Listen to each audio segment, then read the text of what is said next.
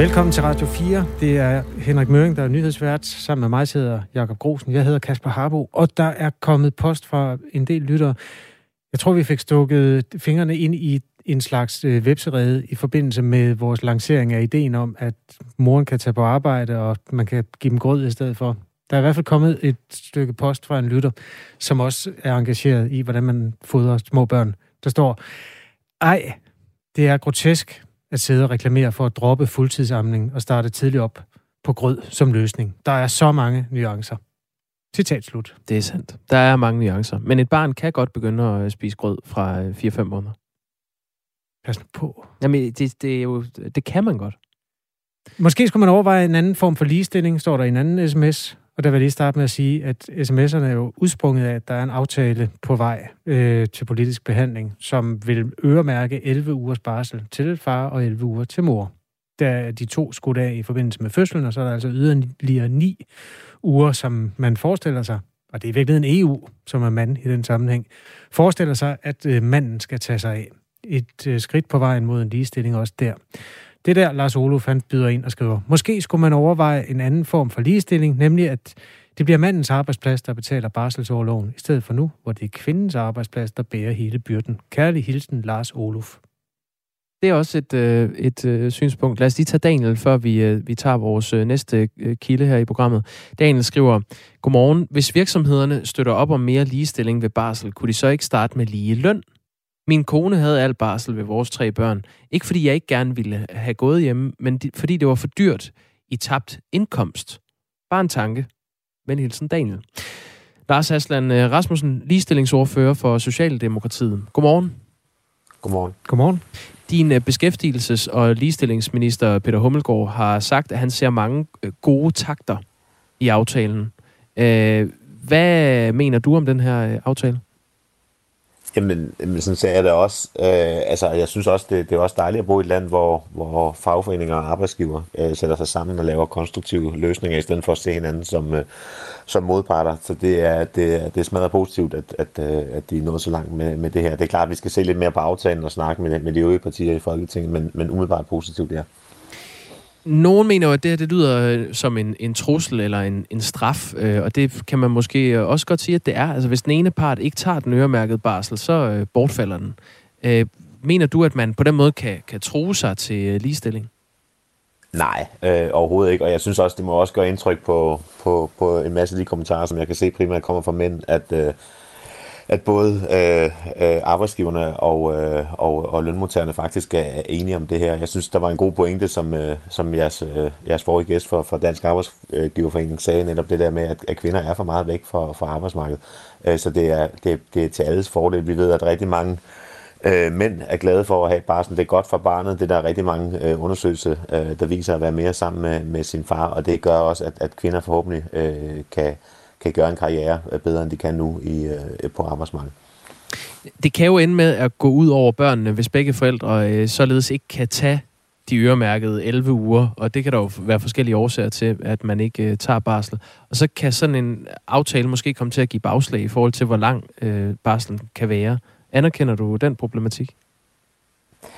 Nej, altså jeg vil sige generelt, så kan man sige, at mange af de nordiske lande har jo øh, regler, der, der, der ligger øh, nogenlunde der omkring. Nogle er gået videre, nogle, nogle mindre, og der, der vil jeg våge den påstand, at man både i Norge, Sverige og Island, øh, der har børnene det også øh, udmærket.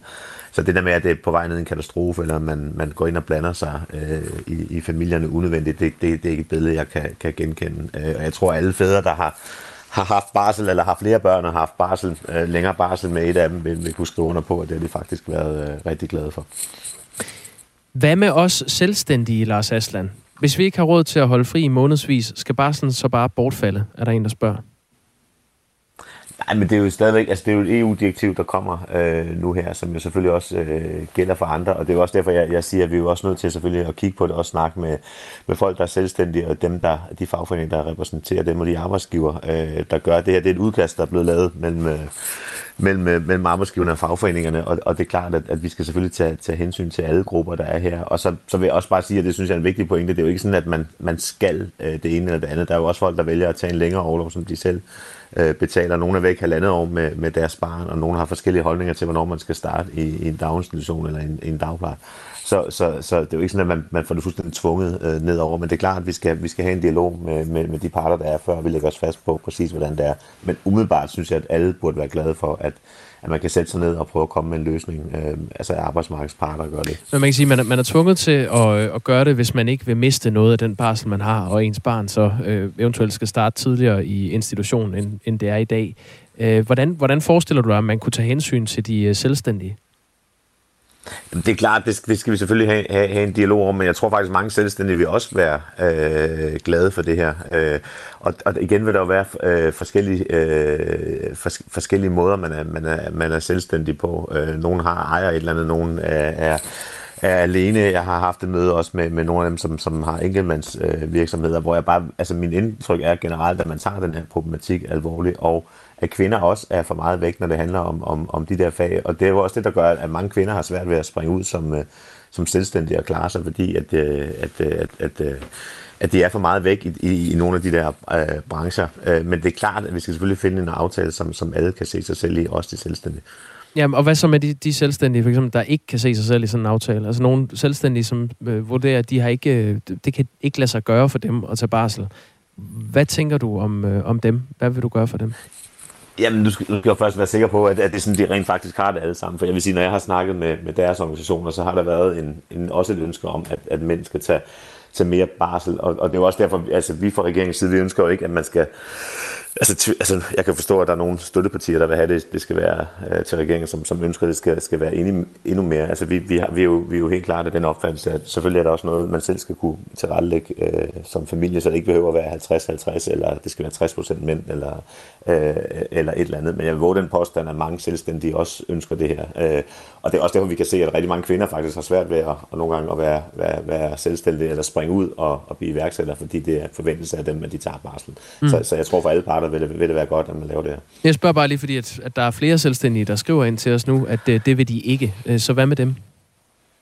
Jamen, det må vi, det må vi igen finde, finde, finde, finde en løsning på. Altså, uanset hvad, så, så, så vil det være sådan, at også selvstændige vil mænd skulle tage øh, mere, mere af, af barsen. Og hvordan det præcis lander, det, det, det snakker vi mm. meget mm. gerne med, med, med deres interesseorganisationer øh, omkring. Men det er regeringens ønske, at, at mænd skal tage mere. Hvor meget af den her aftale er du øh, positiv overfor? Altså synes du for eksempel 11 ugers øh, øremærket barsel er, øh, er for meget eller for lidt, eller er det lige tilpas? Nej, jeg, ja, altså det, der er vigtigt for mig, det er jo, at man kan genkende sig selv i det, både som lønmodtager og, og som arbejdsgiver, fordi vi kan jo ikke, altså, vi kan jo ikke tvinge det ned over hovedet på nogen, som, som ikke har lyst til at, at lave det på den måde. Så derfor så er det at for os at se rigtig positivt, at, at vi har også haft løbende dialog både med, med arbejdsgiver og, og lønmodtager om, om, omkring det her. Så det er jo rigtig, rigtig positivt, at man kan, kan sætte sig ned, og det er jo også det er, det er noget af det, som, som, som, som vi synes er rimelig, nemlig at det vil blive altså at, at mænd kommer til at tage øh, væsentligt mere. Præcis hvor mange uger øh, det er, om det, om det var 10 eller, eller om det skulle være øh, 12, det er ikke det, der, det er ikke det, der, der er så vigtigt for os. Det, der er vigtigt, det er, at det tager et, et, et afgørende ryg med, at, at mænd skal, skal, skal tage mere. Har du selv børn, øh, Lars Rasmussen? Ja. Havde du barsel? Ja, det havde jeg. Øh, men jeg har selv tænkt, at jeg gerne ville have haft øh, mere, specielt i, i, Hvor meget havde du? I den sidste ende. Jamen, jeg kan ikke huske præcis, hvor mange jeg har. Jeg har haft, tror jeg, 5-6 uger øh, sammenlagt med den, øh, med den første og den sidste, så, sådan, som, så vidt jeg husker det på, på det tidspunkt. Men, men jeg har faktisk selv tænkt, at jeg faktisk gerne ville have haft øh, mere, specielt anden omgang, hvor man jo er, er mere vant til det. Hos øh, Støttepartiet Radikale ønsker man flere øremærkede uger end øh, de 11. Og så siger beskæftigelses- og øh, ligestillingsordfører Samia Nava, at der skal også forhandles øh, på baggrund af nye familieformer. Hun siger sådan her. En anden ting, som vi jo også gerne vil tage med ind i forhandlingerne, nu vi netop skriver 2021 og taler om ligestilling, det er, at vi også skal anerkende, at der findes andre familieformer. Så for eksempel så i dag, så bliver medfædre ikke anerkendt øh, og kan ikke have del i barselen. Det kunne vi rigtig godt tænke os. Solomødre står også i en særlig situation. Det skal der også tages højde for. Og det kan vi lige så godt få gjort i samme ombæring, nu vi er i gang. Lars Aslan Rasmussen, udover at du er ligestillingsordfører øh, i Socialdemokratiet, så er du også øh, LGBT-ordfører. Hvad vil du gøre for, at der bliver taget hensyn til nye familiestrukturer ved forhandlinger om barsel? Nej, men det skal vi, det skal vi helt klart også, øh, også øh, medtænke, fordi det, det er klart, selvfølgelig er der, ja, der er både solomøder, øh, og der er af, af andre familieformer, det anerkender jeg, jeg fuldstændig, og det er også derfor, jeg sagde øh, til at starte med, at, at vi kommer ikke til at lægge os fast på præcis, hvor meget det skal være, fordi vi, dels har regeringen ikke flertal, og dels skal vi også have en, en, en løbende dialog med, med, med de øvrige partier i Folketinget, for, for at finde den øh, aftale, der, der er bedst muligt, og der er det klart, at der, der er det her også et hensyn, som, som selvfølgelig skal, skal medtages. Der er faktisk flere, der spørger til solo-møder, altså møder uden fædre, som der står, børn uden fædre, hedder det, øh, donorbørn. Mister moren så også et, en del af barslen, vil du tro? Hvad, hvad, Ej, det, med hvilken, det, hvad er din indstilling? Ja, det kunne jeg ikke forestille mig. Altså, fordi de, de fleste øh, på den måde, der er jo ikke øh, en, en, en, en far som sådan. Øh, så, så, så, så altså, det er svært at se, at man, man, man skulle miste øh, på den måde, hvis der ikke, øh, hvis der ikke er øh, en far. Der er også mange møder, der får med, med, altså, med en ukendt. Så, så, så, så det har jeg svært ved. Det er jo, det er jo en ret, man har til at, til at være, være, være øh, solomor på den måde. Øh, så, så, så, og der er jo også, altså, der er også fædre, der forsvinder, eller som, som slet ikke er en del af, af familien, så, så er det jo ikke sådan, at man skal, skal tvinges til det på den måde, hvis, hvis, hvis, øh, hvis faren ikke står registreret som far. Så, så nej, det forestiller man bestemt ikke. Men, men det ændrer jo ikke ved, at, at langt, langt de fleste, øh, der er der en, en mor og en far, og der er vores ønske, at, at, at faren tager en større del af ansvaret. Lars Aslan øh, Rasmussen, ligestillingsordfører for Socialdemokratiet. Øh, tak fordi du var med her. Selv tak. Øh, som altså er positivt stemt over for den her nye aftale om 11 ugers øremærket barsel. Det er en aftale, som Fagbevægelsens hovedorganisation og Dansk Arbejdsgiverforening har indgået. Sikke en politisk tabersag, rendyrket tåbelighed, der forsvares på vegne af EU. Selvstændige er udelukkende interesseret i fleksibilitet. Aldrig har der været længere mellem befolkningen og politikerne, lyder et synspunkt, som en lytter har skrevet. Øh, utroligt som danskerne kan klage, skriver en anden. Det er Mia. Hun skriver, utroligt som danskerne kan klage. Se på USA, der får du maks tre uger. Det er rigtigt. Det er med mig også lidt. Det er også et bøvlet land. Det er godt, vi ikke bor der. Klokken er øh, 17 minutter over syv. I hvert fald her i Danmark. I Danmark kan du også gå på øh, Michelin-restaurant. Nu er det 27 steder, man kan få Michelin-mad. Øhm, der er i alt 38 stjerner på de nu besmykkede restauranter. Noma var jo øhm, den store nyhed, da den i går gik fra at have to Michelin-stjerner til at have tre. Øh, og således øh, lidt længere nede i systemet også. Øh, Sønderborg har fået sin første Michelin-restaurant, og på den måde kører den sin årlige gang gennem nyhedsmøllen. Men hvorfor er de her stjerner egentlig vigtige? Er det ikke bare små portioner mad til meget store priser? Ikke kun det. Det er faktisk også et trækplaster for mere end en tredjedel af de udenlandske turister, der besøger Danmark. Det fortæller kommunikationschef for Visit Danmark, Anders Rosbo. Der er, der, er ingen, der er ingen tvivl om, kan man sige, at, øh, at vores, øh, vores øh, gastronomi gastronomi, den udvikling, som det har gennemgået igennem en, en, en længere overrække, har fået noget til vores brand som et godt madland. Og det vil sige, at øh, der er rigtig mange turister, som rejser til Danmark, fordi vi har et højt niveau rent gastronomisk. Simon Urup er også en slags madturist og redaktør på madmediet, der hedder Smag Aarhus. Godmorgen, Simon Urup. Godmorgen. Hvor har du sidst været henne på en Michelin-madrejse? Øh, sidste Michelin-madrejse, det var i hvor skal jeg lige tænke det må have været i Barcelona, øh, hvor at, øh, vi var ude og spise et par forskellige steder, som Michelin havde anbefalet. Vi hører lige øh, udlagt fra Visit Danmarks side, at det rent faktisk er en turisme-magnet. Hvor, hvor langt, nej, eller heller, jeg vil hellere spørge, hvorfor vil du rejse langt for at spise? Mm, der er flere forskellige grunde. Sådan, altså, jeg synes, at Øh, for det første så er mad et godt billede af, hvordan et lands kultur er. Det vil sige sådan i forhold til, øh, man kan se sådan, hvad der er præget området. Og det kan man egentlig også godt med Michelin. Og Michelin det er meget mere end bare stjernerne.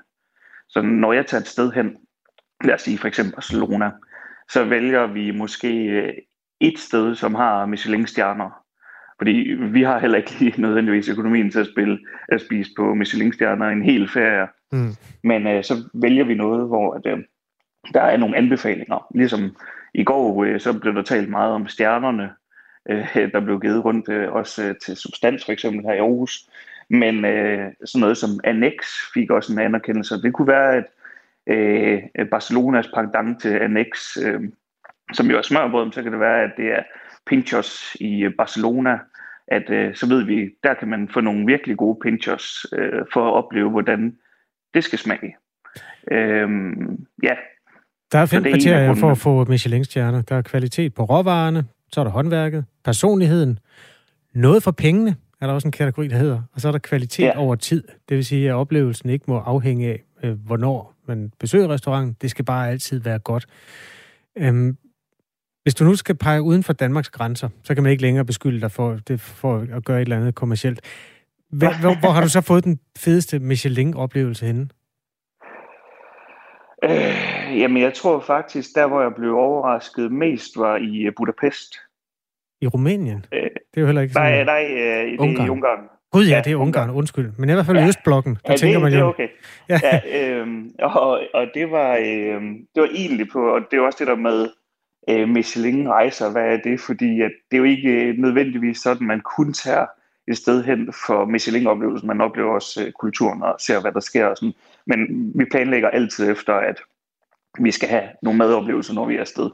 Men øh, i Budapest var vi egentlig på øh, en øh, studietur, hvor uh, mig og min kæreste så havde besluttet os, at vi ville lige tage en detur fra, fra de andre måske, og så finde et par restauranter, vi ville spise på om aftenen. Og der var vi på en øh, restaurant, der hedder Onyx. Og da vi var der, jamen, det må have været i 18 eller sådan noget, uh, der havde de en Michelin-stjerne, og nu har de så fået uh, den anden, men det var simpelthen en, en vanvittig god oplevelse, og, uh, og til lidt færre penge, end man bruger herhjemme. Tak for det lille tip, Simon Urup. Ja. Redaktør på madmediet Smag Aarhus, som altså hjælper os med at lige perspektivere en lille smule, at der i går dryssede 38 stjerner ned over danske restauranter. Øhm, ja, og der er 27 steder i Danmark, hvor man kan få det, og massevis af steder rundt omkring i Europa. Blandt andet også bedømt ud fra det, det kriterie, der hedder noget for pengene. Det tror jeg, mange mennesker der skrev ind til os i går, vil sætte pris på at høre, fordi øh, det er ikke alle hjørner af vores lytterskare, at øh, Michelin-stjerner og hvad skal vi sige, gourmet-oplevelser i tusindvis af kroners klassen har øh, den nyder samme respekt. Lad os sige det på den måde. Husk, du kan skrive ind til os, hvis du har lyst. Klokken er 7.22. Skriv på 14.24, hvis du har input til Radio 4 morgen. Som i dag er med Jakob Grosen og Kasper Harbo.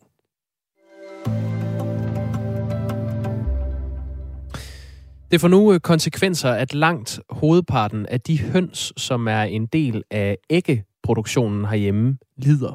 Det kom frem for lidt over en uge siden i en undersøgelse fra Københavns Universitet, som øh, viste, at 85 procent af alle høns, som producerer æg, har brækket deres brystben.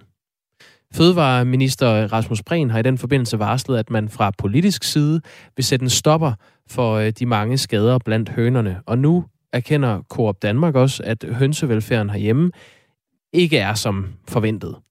Thomas Roland er øh, CSR-chef hos Coop Danmark, altså med øh, ansvar for mærker og økologi. Godmorgen. Godmorgen. Thomas Roland, I har været i øh, kontakt med jeres hønseleverandører, efter I læste den her undersøgelse fra Københavns Universitet. Hvad har I bedt jeres leverandører gøre for at sikre bedre øh, hønsevelfærd? Ja, det er rigtigt. Vi har været i dialog med vores øh, æggeleverandører. Øh, man kan sige, det er utroligt svært at bede dem om noget konkret, fordi hvis der var øh, en viden om præcis, hvad skal man gøre for at undgå det her problem, så havde øh, æggeproducenterne jo for lang tid siden gjort det. Så det vi har gjort er i virkeligheden at tage en, øh, en dialog med, med vores psykologiske leverandør Duholm, og så prøve at og nærme os, jamen hvis man skal lytte til det, forskerne siger, er der noget, vi allerede nu kan prøve af, Øh, men jeg vil gerne sige det med sådan lidt forsigtighed, fordi der er ikke nogen garanti for, at det virker. Det er jo det her et problem, som, som i virkeligheden skyldes den race, man bruger, og, og ikke nødvendigvis det opdrætssystem, man bruger. Og, øh, og det, som, som, øh, som øh, han er kommet tilbage med, er, at, øh, at man kan prøve at se, om man kan gøre noget for at sørge for, at, at hønsene lidt senere i livet lægger æg. Altså et par uger skubbe, hvornår deres debut med æglægning er. Og hvis det kan lade sig gøre, for eksempel ved at ændre på, hvor meget lys øh, øh, kyllingerne får, inden de bliver høner, eller, eller hvorfor noget foder de får, jamen, jamen så lad os prøve det af, fordi så kan det være, at deres øh, skelet simpelthen når at blive robust nok, øh, inden, de, inden de begynder at lægge æg. Forventer I, at det, det, vil, en, øh, det vil hjælpe på, på problemet, det her med at lade dem være i, i mørke i længere tid? Øh, ja, altså nu siger du, lad dem være i mørke. Det, det, det er et spørgsmål om lidt længere mørkeperioder, men, men øh, ja, det håber vi jo rigtig meget. Øh, vi ved det ikke. Altså, jeg tror, det er jo det, der er udfordringen med den her, det her problemstilling her. Der er ikke rigtig nogen, der har den, den, den gyldne løsning på det. Øh, det vi forstår på, på, øh, på forskningen er, at det kunne være en vej øh, til det, fordi så sikrer du en mere robust høne, inden den begynder at lægge. Så vi håber jo rigtig meget, at det rent faktisk betyder, at færre af dem i hvert fald får nogle af de her udfordringer med brystben.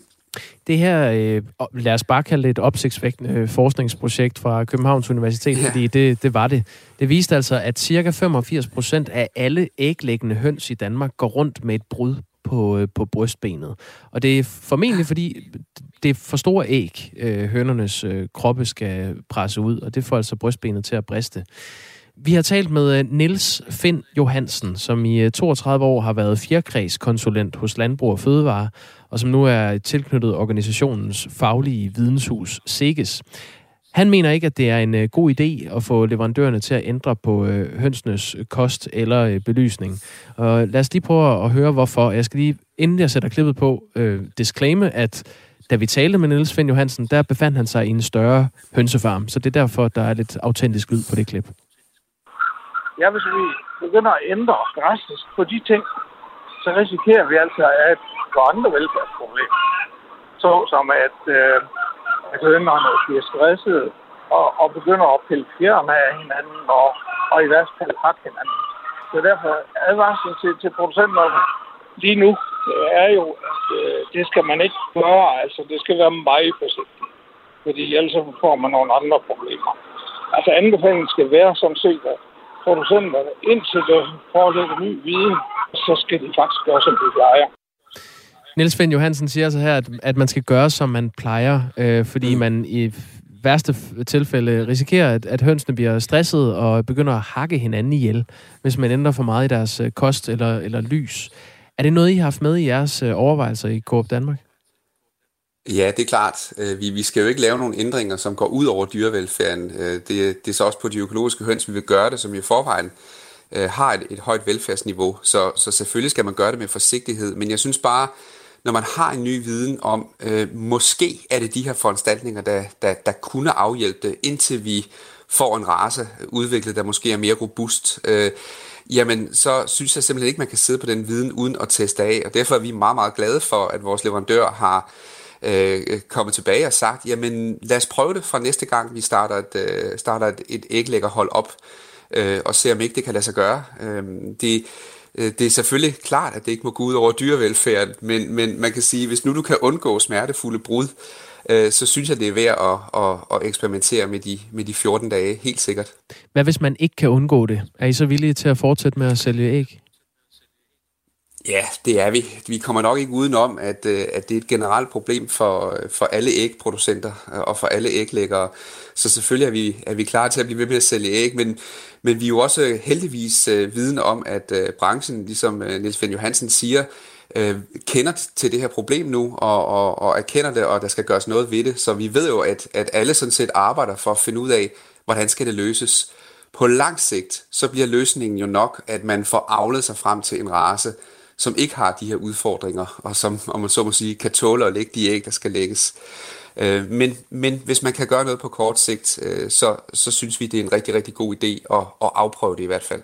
Lige her til sidst, øh, hos Coop Danmark blåstempler I jo faktisk allerede jeres varer, øh, for eksempel æg med sådan nogle velfærdsmarkater.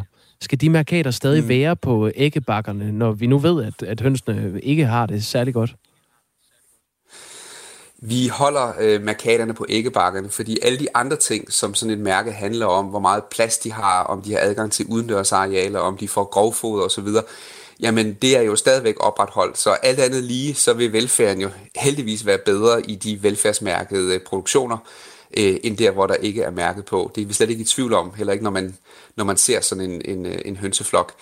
Øh, så selvfølgelig holder vi dem på, men men samtidig er vi rigtig glade for, at vores leverandør vil begynde at arbejde med, hvad kan man så gøre, mens vi venter på den fælles løsning. Vi kommer til at følge op på, hvad der øh, sker på det her område, Thomas Roland. Du skal tak for, at du er med her. Selv tak. Altså CSR-chef hos øh, Coop Danmark med ansvar for mærker og økologi. I danske regioner bokser man med 37 sager om seksuel chikane. Mange af dem er sket med digitale hjælpemidler. Vi skal analysere det fænomen, digital seksuel chikane, her i Radio 4 efter nyhederne med Henrik Møring. Klokken er halv otte.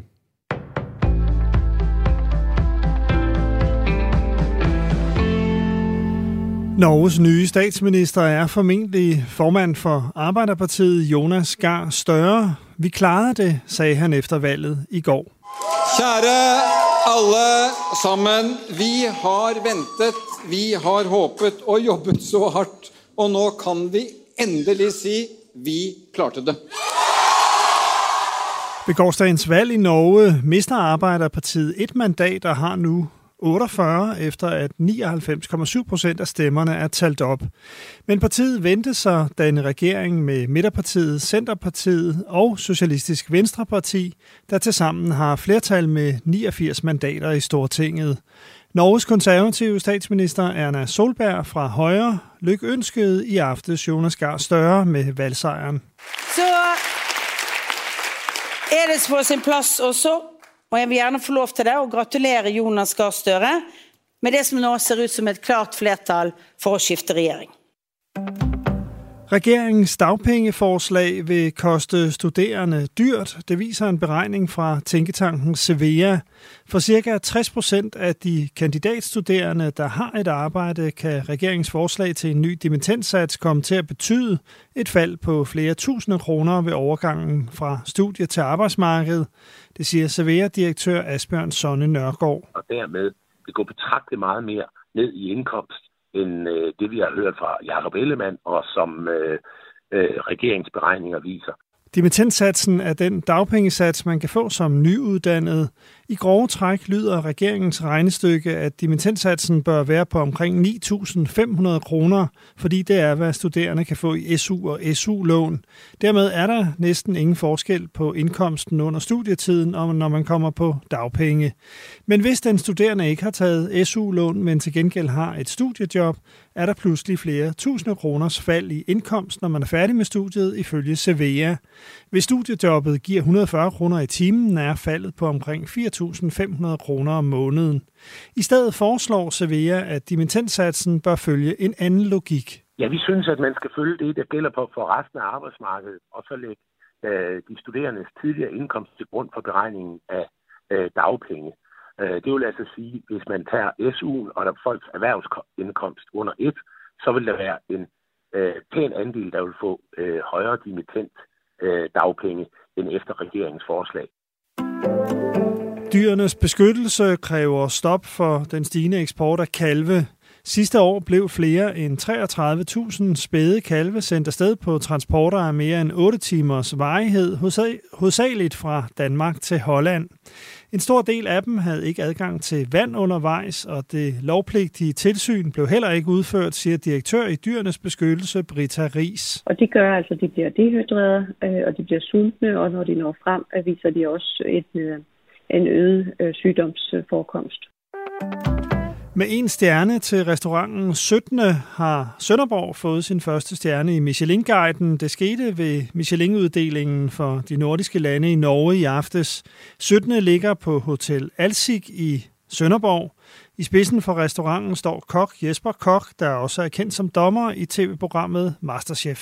Det er noget af det, jeg tager med mig i graven. Det var, at øh, jeg fik øh, en Michelin-stjerne til øh, Sønderjylland. Og prøv at høre, der er så mange dygtige kokker og restauranter i Sønderland, så øh, nu er vejen vist, og øh, nu løfter vi i flok. Først mest skyder lidt regn, men i løbet af dagen nogen sol, 16 til 20 grader.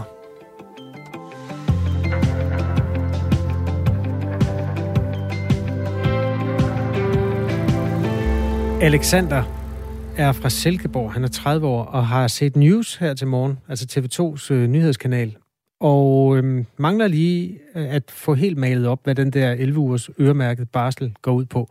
Og den har vi jo brugt lidt tid på, det er også, og kommer også til det øh, fortløbende, så nu tager jeg lige hans spørgsmål. Øh, kan I hjælpe mig med at forstå det, skriver han. Betyder det, at kvinderne ikke længere kan have 10 måneders barsel? Får kvinderne nu kun 11 uger?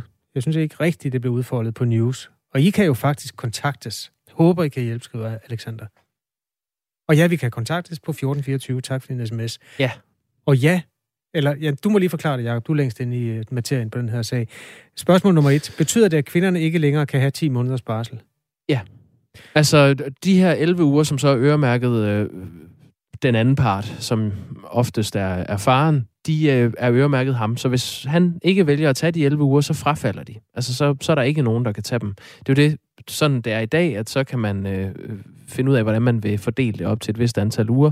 Men nu er det altså et krav, at det, det er manden, der skal tage det, ellers så øh, ryger de væk. Får kvinden nu kun 11 uger? Nej. Kvinden får længere barsel, men øh, de 11 uger bliver taget fra de samlede, øh, hvad er det, man har?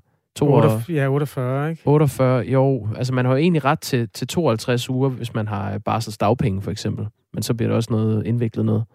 Men det korte svar er, at man, altså, kvinderne skal ikke kun have 11 uger. Nej. År. Men de 11 uger bliver taget af den pulje, der ligger i dag. Og så siger man, det er til manden. Hvis det bliver besluttet politisk. Ja, og det følger vi også nøje med i. Vi har talt med Lars Aslan Rasmussen, som er varm fortaler for den her aftale, som er indgået mellem arbejdsgiver og arbejdstager, og i virkeligheden en kugle, der er støbt helt nede i Europas parlament. Øh, det er en, en presbald fra EU for at få mere ligestilling. Øh, men så med et dansk udtryk, og det bliver kaldt et spor, der er lagt ud, som politikerne så kan gøre færdig. Vi, vi kommer til at opfølge den til dørs. Det gør vi. Øh, så er der også historien om hønsene. Altså øh, den her historie om, at øh, 85 procent af alle æglæggende høns i Danmark har brækket brystben. Det var en historie, der øh, begyndte i sidste uge med en undersøgelse fra Københavns Universitet, som påviste netop det. Og vi talte med øh, Coop Danmark, i hvert fald CSR-chefen hos Coop Danmark lige før nyhederne, om hvad de har øh, krævet fra deres øh, hønseleverandører i den forbindelse. Og det er altså ikke meget, man ved, og det er der flere lyttere, der reagerer på. Erik skriver for eksempel, man må da kunne trække på viden fra udlandet. Vel ikke et problem i alle lande i verden? Godt input. Henning fra Dronning Lund skriver, vil du tage den, Kasper? Måske skulle man overveje barsel til de stakkels produktionsdyr, som jo desværre bare skal PEP producere for vores øh, pengepunkt. Det er sgu sølle i et rigt land som Danmark, skriver Henning. Klokken er øh, 23 minutter i 8. Alle beskeder er velkomne på 1424. Begynd beskeden med R4. De fem danske regioner har behandlet 37 sager om seksuel chikane. Flere af de sager er endt med fyringer, og en enkelt er endt med en politianmeldelse. Det viser svar og agtindsigter, som vi her på Radio 4 har fået hos regionerne. Sociale medier indgår ofte i sager om seksuel chikane.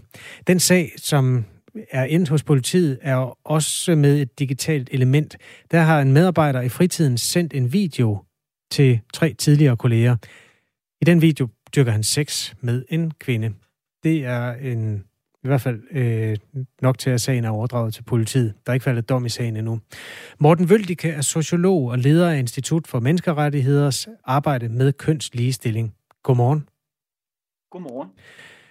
Det her felt er vi jo inde på, øh, altså noget, der er foregået i fritiden. Er det arbejdsgiverens ansvar, og er det noget, en arbejdsgiver skal blande sig i, når en medarbejder laver seksuel chikane øh, digitalt øh, eller på sociale medier i sin fritid?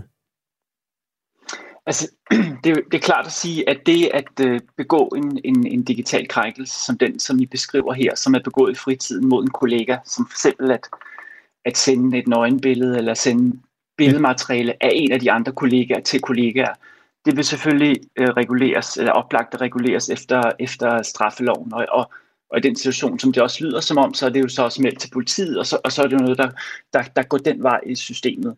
I forhold til det med arbejdsgiverens ansvar, altså der kan man sige, det korte svar, det kan det jo godt være, fordi en, en digital krænkelse, for eksempel hvis det er som en del af en digital seksuel chikane eller seksuel chikane i det hele taget, som foregår i arbejdstiden, men som også går i fritiden, bør selvfølgelig også kunne indgå som et, eller kan også indgå som et, et, som et bevis i en sag om seksuel øh, chikane. Hvis man for eksempel har en situation, hvor chikanen finder sted på arbejdspladsen eller mellem kollegaer, og den så rykker over som digital, altså at man også kontakter eller, eller sender noget til, til offeret øh, 24-7, altså både i arbejdstiden, men også i fritiden i den situation, så er det klart, så bliver det også øh, arbejdsgiverens problem, og, og noget, som arbejdsgiveren øh, er forpligtet til at gøre noget for at stoppe og forebygge, fordi øh, at det hænger sammen med, den, med det, der også er, er foregået på, på arbejdspladsen.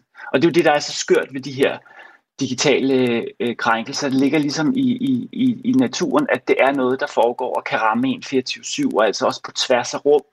Både noget, der sker på jobbet, arbejdspladsen, øh, men jo også skoleuddannelse har vi set, og så selvfølgelig så også privat mm. hjemme, og det er jo det, der er specielt ved det. Ja, jeg læste der lige en række fakta op i de mange sager, som vi har kigget på, som altså har udspillet sig hos øh, regionerne. Øh, samtalen her, det er Morten Vøldige, der med, sociolog og leder af Institut for Menneskerettigheders arbejde med kønsligestilling. I flere af de 37 sager, der er den seksuelle chikane foregået digitalt eller på sociale medier. I en sag indberettede flere kvindelige medarbejdere, at de følte sig udsat for systematiske og meget grove seksuelle krænkelser via Messenger eller Snapchat. Der var en medarbejder, der oplevede krænkende opførsel og uønsket seksuel opmærksomhed. Medarbejderen havde oplevet upassende korrespondence, og det var faktisk fra en leder. En mandlig medarbejder har haft en verbal og digital grænseoverskridende seksuel adfærd over for en kvindelig kollega. Han kontakter en flere gange over Messenger med grænseoverskridende beskeder. Er det sådan klassisk, det her, øh, når vi, du hører de sager ridset op, Morten Vøldike? Jamen det, altså det, er, det, det er jo øh, klassiske sager, altså at det her med, at, at, at de, tid, de muligheder, der er i dag for at kommunikere med hinanden, øh, jo også bliver digitale og foregår via sociale medier, og det øger mulighederne for, at man kan, kan gøre det her ud over øh, arbejdstiden og i arbejdstiden, øh, hvis man ønsker det, og, og mellem kollegaer. Så det, det ser vi jo ligesom, at... Øh, at, øh, at det rykker over øh, på, på, på det digitale og sociale medier, at man bruger det, og det måske også for nogen kan være øh, nemmere at gøre det end rent fysisk øh, på arbejdspladsen, fordi der jo vil være tilfælde, hvor så kollegaer bliver opmærksom på det. Så det er også en mere diskret måde at, at gøre det på, og mindre synligt. Og måske vil nogen også sige, at det er mindre skyldigt øh, i anførselstegn, fordi man, man, man gør det online, eller hvis man gør det online, i hvert fald hvis man går rundt og tror, at at det er noget, som, øh, som øh, det, at man øh, gør noget online eller på sociale medier, er, har mindre med, med, med virkeligheden at gøre, end det man rent, gør rent fysisk. Og det er selvfølgelig forkert, fordi om vi er offline eller online, så er det jo en krænkelse uanset hvad. Hvad så lovgivningsmæssigt? At bliver de ligestillet der også? Altså for eksempel, hvis du krænker et menneskes blodfærdighed ved at sende en sexvideo? Jamen det, altså i, i, den, øh, i den første sag, som vi nævner, hvor det handler om at sende, sådan som jeg forstår det i hvert fald, billeder af en en person til andre, øh, øh, altså så bryder man jo øh, med, med, med princippet om samtykke. Altså man har taget et billede af, eller en video af, af en, øh, som man deler med andre mod ens vilje osv. Der er det klart, der er det jo oplagt, at det, at, det, at det reguleres efter straffeloven, at man ikke må dele billeder, uden at andre har givet samtykke osv. Når det bliver en del af, af en, en, øh, en seksuel chikane, altså hvor man sender billeder, eller, eller øh, hvad hedder, deler billeder, øh, af, af seksuelt materiale øh, til kollegaer osv., sender det også på sociale medier, så, så kan det være en del af, øh, af en seksuel chikane, hvor det opleves som noget, der er truende eller ubehageligt, eller som bare er seksualiserende, har seksuelle undertoner.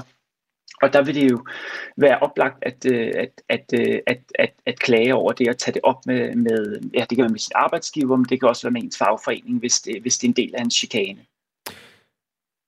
I gamle dage gik blottere rundt i lange jakker, og så åbnede de jakken, og så viste de deres øh, nøgne krop frem. Altså det, det var sådan den gamle måde at lave blodfærdighedskrænkelse på. Det nye, det, det er at sende billeder af sig selv.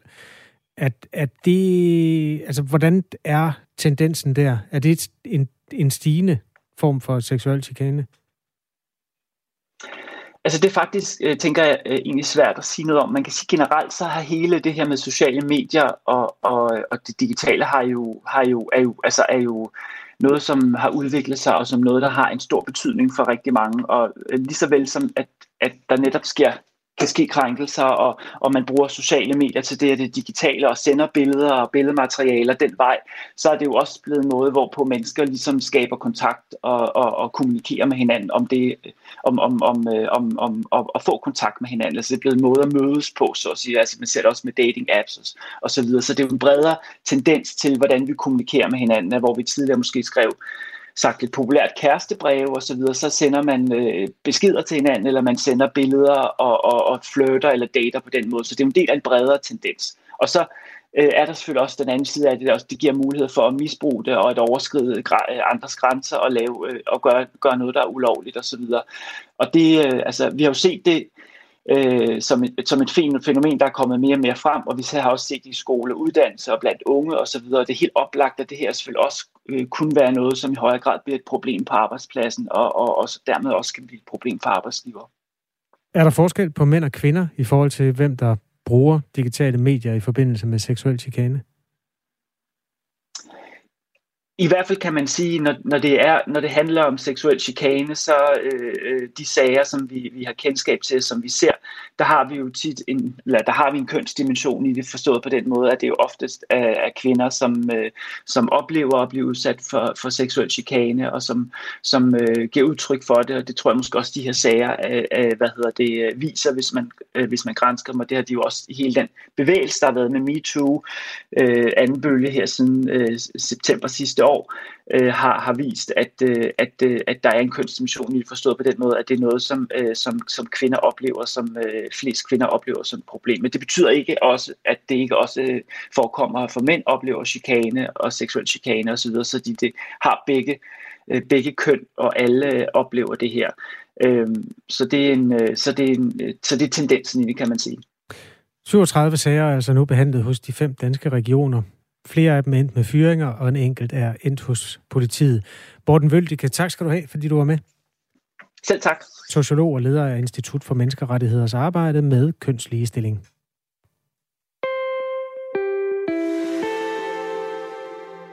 Fagbevægelsens hovedorganisation som repræsenterer 1,3 millioner lønmodtagere i det her kongerige, og Dansk Arbejdsgiverforening, som repræsenterer mere end 25.000 virksomheder, har indgået en aftale, der øh, betyder, at mor og far har hver 11 ugers øremærket barsel. Det er ikke øh, uger, man kan overføre mellem sig, de bortfalder, hvis den ene part ikke tager dem. Det er øh, en, øhm, et forslag, en aftale, noget, der skal behandles politisk, men også noget, der bliver behandlet i vores øh, sms-indbakke. Og øh, Jon har stemplet ind, Kasper. Øh, det er som et lidt et svar til os, men også et svar til en anden lytter, der skriver ind. Han skriver, tror ikke, I har forklaret det, så den anden lytter har forstået det. Og nu skærer Jon det så ud i pap. Der er 48 ugers fuld barsel. 11 af disse skal afholdes af den ene forælder, 11 af den anden. Resten, altså 26 uger, kan de fordele, som de vil. Interessant er, hvad der sker med enlige forældre. Har de så lige mistet 11 ugers barsel? Er det en spareøvelse, spørger Jon. Nej, sagde Lars Asland fra Socialdemokraterne, som jo ikke har absolut flertal, men som dog er Folketingets største parti, og et af de partier, der formentlig kommer til at gennemføre det her. Øh, nej, lød det. Altså de moderne familier, inklusive øh, øh, mødre, som ikke øh, er sammen med faren, altså hvor faren ligesom er forsvundet ud af ligningen, eller øh, møder til donorbørn, eller andre moderne familieformer. Det var der i hvert fald hos Socialdemokraterne mm øh, klarhed til at kigge på.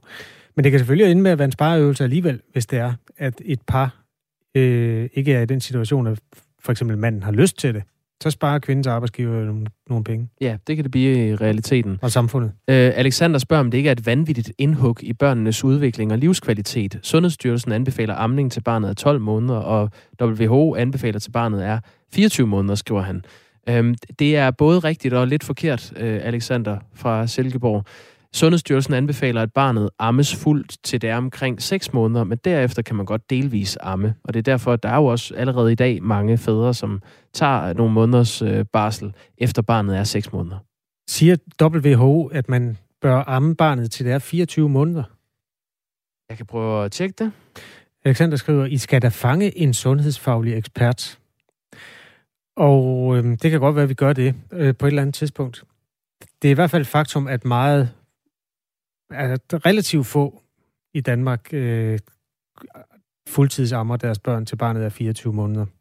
Jeg øh, har ikke kendskab til, at nogle af de tre børn, jeg har været med til at opfostre, de blev ammet længere end ja, det første leveår, så æbbede det ud. Nej, det tror jeg så også er meget normalt. Øhm, ja, det, det må vi lige... Øh, kan, kan du finde noget citat fra WHO? Ellers så send det gerne, Alexander. Jeg synes, det lyder ret vildt, hvis altså, verdens sundhedsorganisationen siger, at man skal amme børnene indtil de er to år. Det har jeg sgu aldrig hørt om, for at være helt ærlig.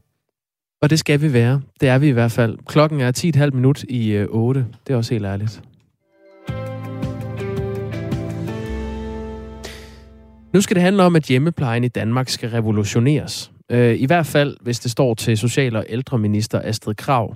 Der er nemlig blevet afsat 170 millioner kroner til øh, flere forsøg med hjemmeplejen i kommuner med udgangspunkt i en særlig hollandsk model, som hedder Buurtzorg. Det skriver Jyllandsposten. Man har allerede forsøgt sig med øh, fremgangsmåden i IKAST Brande Kommune. Øh, det gjorde man, fordi at virksomheden, der stod for ældreplejen, var gået konkurs fordi modellen simpelthen ikke var rentabel inden for de økonomiske rammer, der var.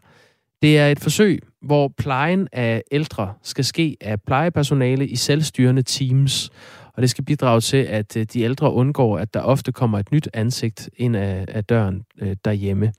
Øh, nej, nu, jeg tror, det der står her er egentlig forkert. Virksomheden gik konkurs som følge af det forsøg, som man har indført, det der burtsog. Det må være sådan, det skal forstås. Ambitionen er, at indføre små selvstyrende teams, som selv tilrettelægger arbejdet, så plejen bliver øh, tilpasset de ældres behov. Nu siger vi godmorgen til Bjørn Kassø Andersen, som er fratrådt direktør i Lokalpleje Danmark. Godmorgen. Ja, god, godmorgen. Det var hos jer, øh, eller hos ja, Lokalpleje Danmark, som udførte pilotprojektet i Ikas Brande Kommune. Øh, det var sgu lidt rodet, det jeg lige fik sagt her. Kan du ikke øh, prøve lige at fortælle, hvad er forskellen på den her hollandske model Burtzog, og så hvordan man ellers plejer at køre hjemmepleje? Det kan jeg sagtens. Vi starter lige med navnet. Det, man, det hedder Burtzog på hollandsk, og det er faktisk det, vi har oversat til lokalpleje. Øh, øh, vi leverede hjemmepleje øh, baseret på at komme så få som muligt i hjemmet, og øh, tværfagligt med sygeplejersker, assistenter og hjælpere, øh, og hvor man øh, etablerer en tillidsbaseret relation med dem, der har brug for hjælp, øh, så man får, får høj kontinuitet, og man får sammenhæng, og man begynder at lære hinanden at kende. Og det øh, har vi vist i det her forsøg, at det kan man øh, selvfølgelig også sagtens i Danmark, og det fungerer rigtig, rigtig godt. Øh, borgerne var glade for det og tilvalgte os øh, så meget, så vi næsten havde svært ved at følge med. Vi voksede 15 procent om måneden, øh, og medarbejderne var glade og øh, siger jo, at det er sådan her, man skal arbejde i det her fag. Hvorfor hang økonomien ikke sammen i det? Det mener vi faktisk også, den gjorde. Øh, vi havde det paradoxale, at vi gik konkurs, men hvis vi kigger på øh, en af de ting, man gør her, det er, at man faktisk øh, bruger nogle flere penge på at hyre mere kompetent øh, personale. Ikke at dem, der ikke er der i forvejen, at øh, ikke er gode nok, men man skal have øh, en anden mix, hvor man får lidt flere sygeplejersker og lidt flere assistenter, sådan så man har øh, den viden, der skal være. Vi hyrede 12 procent dyrere, men interessant nok skete der det, at vi havde næsten tilsvarende mindre sygefravær. Så alene der, så mener vi, at vi har vist, at økonomien hang sammen. Det gjorde den så alligevel ikke. Og det handler om øh, den måde, man afregner minutter på. For hvis øh, det hele det bliver tænkt i minutter, og det ene er, hvor mange minutter skal man have, det andet er, hvor meget koster sådan et minut egentlig. Og prisen på det der minut, den kommer fra, hvad, hvad en kommune selv mener, den koster. Det koster den at at producere det her minut, der, der havde vi så... Øh, vi, vi synes ikke, at tallene og modellerne hang sammen, og de understøttede i hvert fald ikke den her måde at arbejde på, hvilket var enormt trist, fordi vi havde gang i noget, der bare ude. Så det vil sige, at man kunne gøre det øh, billigere per minut, sådan set?